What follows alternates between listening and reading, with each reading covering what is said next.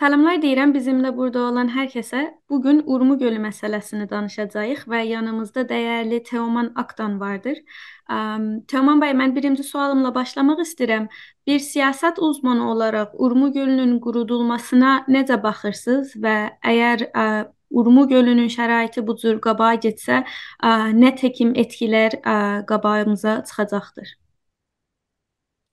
Çox sağ olun. Mən də sizi və bizim dinləyən dostlarımızın hamısını ürəkdən candan salamlayıram. E, bu danışıqlar silsiləsinin hazırlanmasında əməyi keçən dostlarımızın hamısına öz təşəkkürlərimi bildirirəm. E, bildiyiniz kimi e, Urmu gölünün qurudulması e, çox ciddi sosio-kültürel, ekonomik sonuçlara e, və sorunlara nədən olmuş və olacaqdı. E, gedərək artan bir e, sorunlar silsiləsi ilə qarşı-qarşıyayıq. Bölgənin ekonomik, çevrəsəl və toplumsal yapısını dərindən etkiləmə qabiliyyəti olan böyük bir kriz ilə, yəni əslində sorun deyil, krizlə qarşı-qarşıyayıq. Nə yazıq ki, bizim son 100 ilimiz e, yoxsulluqdan, savaşdan, aclıqdan, e, qıtlıqdan, köçdən, işğaldan qaynaqlanan ə, dramlarla doludur ə, və sizin də işarət etdiyiniz kimi ə, bunların təməlində yatan əsas nədən ə, xalqın ə, və umumun idar iradəsinin məhsulu olmayan və xalqın gerçək tələblərinə yabancı olan düşman kimi davranan ə, xəsim kimi ə, toplumla müamilə edən güclərin ə, idarədə olmasından qaynaqlanır. Dolayısıyla e, bunun bir çox alanda e, çox ağır e, sonuçları olacaqdır. Bizim üçün çox böyük bir fəlakətlərə yol aça bilər. Ekonomik etkiləri ola bilər. Yəni bölgədə e, minlərcə insanın gəlir qaynağının tamamilə kəsilməsinə yol aça bilər. E, köç və işsizlik məsələsi, yəni bizim bu 100 ildə yaşadığımız bu ağır köçlərdən birisinə tətikləyə bilər, nədən ola bilər. E, su qaynaqlarının azalması, e, bildiyiniz kimi o coğrafiyanın e, əsas e, e, ekonomik sektorunun e, tarıma bağlı olması və su qaynaqlarının azalması, e, kirlənməsi bunlar e, bizim insanlarımızın e, dediyim kimi keçim qaynaqlarının itirməsinə yol aça bilər. Başqa bir məsələ, yəni e, başqa örnəklərdə də dünyanın fərqli yerlərində bənzər sorunların e, olduğunda gördüyümüz kimi sağlıq sorunlarıdır. Duz və kimyasal maddələrin əsintiləri ilə e, çevrəyə daşınması, e, kəndlərə, şəhərlərə daşınmasına e, e, və bunun ə, toplumun ümumi sağlığında açdığı yaralar ə, və oluşturduğu sorunlar, ə, kronik xəstəliklər, ə, kanser kimi bizi çox ilgiləndirən, toplumumuzun sağlığını ilgiləndirən qida kirliliyi, ə, ayrıca bizim nəsillərimizin ə, yetişməsində böyük əngəl oluşduran, toplumun qırılğan kəsimləri, uşaqlar kimi, qadınlar kimi e, toplumda bəlli bir e, iqtisadi qaynaqlara e, erişimləri sınırlı olan kəsimlərə e, çox e, böyük ölçüdə etkiləmə e, potansiyeli vardı. Bizim üçün daha çox əhəmiyyətli olan bunun toplumsal sonuçlarıdır. Toplumsal dediyimizdə su qaynaqlarının azalması bu e, e, kəndlər üçün də, yəni tarım sektorunda ə, uğraşan kəsimin bir-biri ilə çox ə, olumsuz bir şəkildə rəqabətə girməsi, o suyun ə, çox strateji bir qaynaq kimi dəyər görməsi, çox ə, suyun ətrafında ə, bir ixtilafların böyüməsi bu kəndlər içində ola bilər, bu kəndlər arası ola bilər, kənd şəhər arası ola bilər, bu şəhərlər arası ola bilər. Yəni bizim gölünün ətrafındakı e, doğu-batı e, ustanlarımız, yəni Azərbaycan şərqi qərbi dediyimiz e, bu iki ustanın arasındakı e, əyalətin arasında böyük bir e, ixtilafa yol aça bilər. Yəni suyun gedərək azalması. Yəni bu əsas bizi bir toplumsal birliyimizi, toplumsal bütünlüyümüzü e, təhlükə altına e, soxan əsas nədənlərdən birisidir. Dolayısıyla ə, e, bu fəlakətləri necə önləyə bilərik? Bunun üstündə ə, oturub ə, toplum olaraq düşünməmiz, toplum olaraq bunu öz gündəmimizə almamız acil bir məsələmiz kimi bu bizim ə, varlığımızı, bizim o bölgədəki həyatiyyatımızı təhdid edən ciddi bir məsələdir. Dolayısıyla bu bizim günlük bir məsələmiz, günlük İstər siyasi olsun, istər ictimai olsun, istər kültürel olsun, bizim fəaliyyətlərimizin bir parçası ə, e, halinə gəlməlidir. Tamam bəy, ə, Urmu gölünün quruması ə, və ya qurudulması ə, sizcə İran dövləti tərəfindən bir siyasi iradənin məhsuludur, yoxsa ə, siyasi iradəsizliyin məhsuludur? Və bu sualın cavabında da Bəziləri fikirləşir ki, İran dövlətinə şikayət etmək Urmu gölünü bəlkə qurudulmasının qurudulmasında bir təsir yarada bilər. Sizcə bu haqqda millət İran dövlətinə güvənə bilərmi?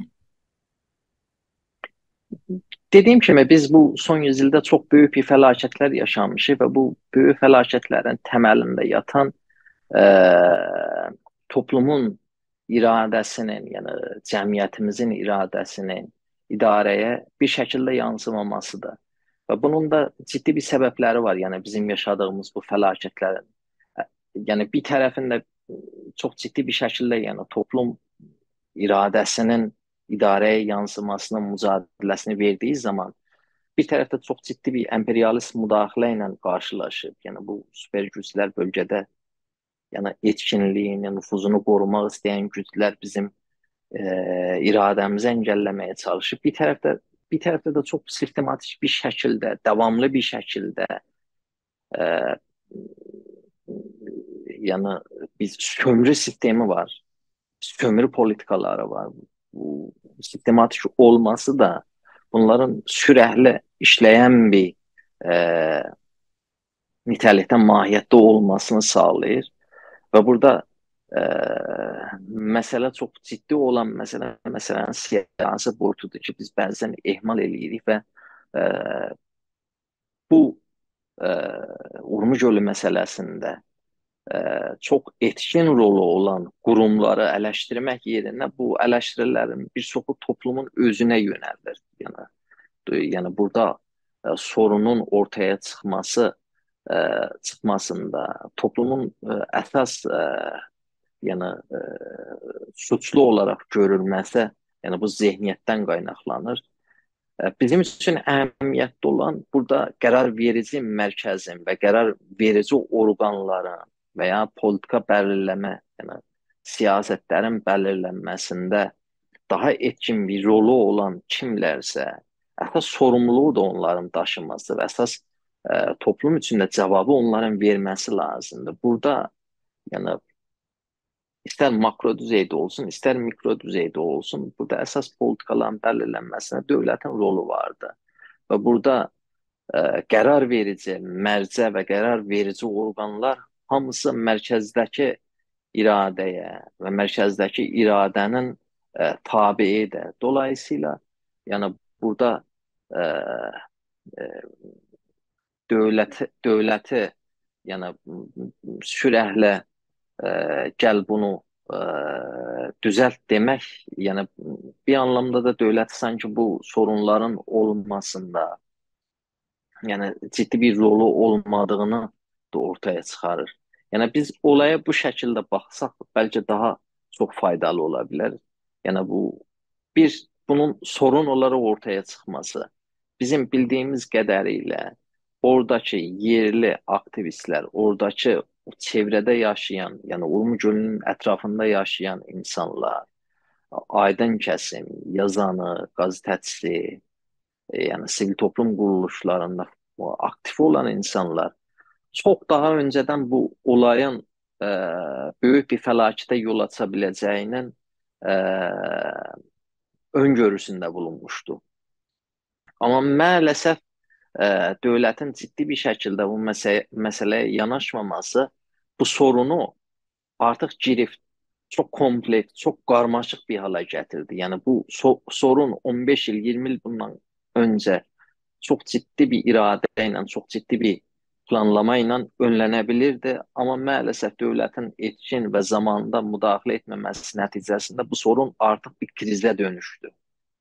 Qarmaşıq bir yəni e, məsələyə dönüşdü. Artıq bunu çox e, keçici və ya e, çox qısa müdaxilələrlə e, toparlanması, bu sorunun çözülməsi mümkün değildi. Bu krizdir. Yəni bu e, bizim bölgəmizə aşan, Urmiyanı aşan, ə, Səlması aşan, Xoyu aşan, Təbrizi aşan, Ərdəbili aşan, Zəncanı aşan bir ə, məsələdir. Dolayısıyla bu bu bir krizdir, bu bir sorun deyil. Artıq buna biz ə, kriz deməliyik.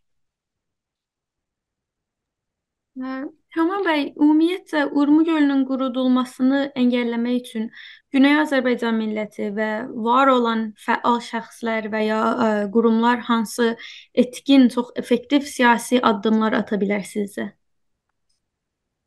Burada bəlkə bizə düşən budur, yəni bir e, siyasi alanda çox ciddi bir şəkildə bizim bir örgütlənməyə ehtiyacımız var. Yəni bu örgütlülük düzeyimizin yüksəldilməsinə ehtiyacımız var. Yəni məsələni siyasi ə, alanda istər ə, yurt içində və istər yurt dışında, yəni bunu ciddi bir siyasi bir ə, sorun olaraq yəni dünya ictimaiyyətinə daşımaq, İran əfkar ümumisinə daşımaq, bölgənin ə, xalqının ə, yəni ə, sürəhli gündəmində tutmaq. Bir də ikinci məsələ sivil kapasitəni gəlişdirmək. Yəni sivil kapasite dediyimizdə o insanlar e, bu fəlakətin daha dərinləşməsi, bu fəlakətin daha yayılması e, nəticəsində hangi, hangi bir ağır e, sonuçlar və hangi hangi bir e, fərqli sorunlarla qarşıla, qarşılaşa biləcəyini, bunu ayrıntılı bir şəkildə, bunu dünyadan fərqli örnəkləri göstərərək, yəni bənzər sorunları yaşayan toplumları ə, durumlarını anladaraq toplumu ə, bu məsələyə dair ə, bilgiləndirmə, toplumda bir bilinc oluşturma, bu bilgini sürətlə ə, tazə tutmaq, sürətli yeniləmək, ə, argüman gəlişdirmək, hərəkətin ə, özünün ə, demokratik bir hərəkət olduğu üçün, yəni hərəkətin özündən qaynaqlı bir ə, məsələyə e, vurğu yaparaq toplumun fərqli kəsimlərini, toplumun bütün kəsimlərini, qadınını, işçisini, yoxsulunu, zənginini bu məsələdən, bu fəlakətdən etkilənəcək bütün insanları Azərbaycan Milli Hərəkətinin, Azərbaycan Demokratik Hərəkətinin, Azərbaycan Milli Demokratik Hərəkətinin bünyəsində birləşdirir. Bu məsələni ə, e, toplumun birinci məsələsi olaraq ə, e, ortaya qoymaq lazımdır.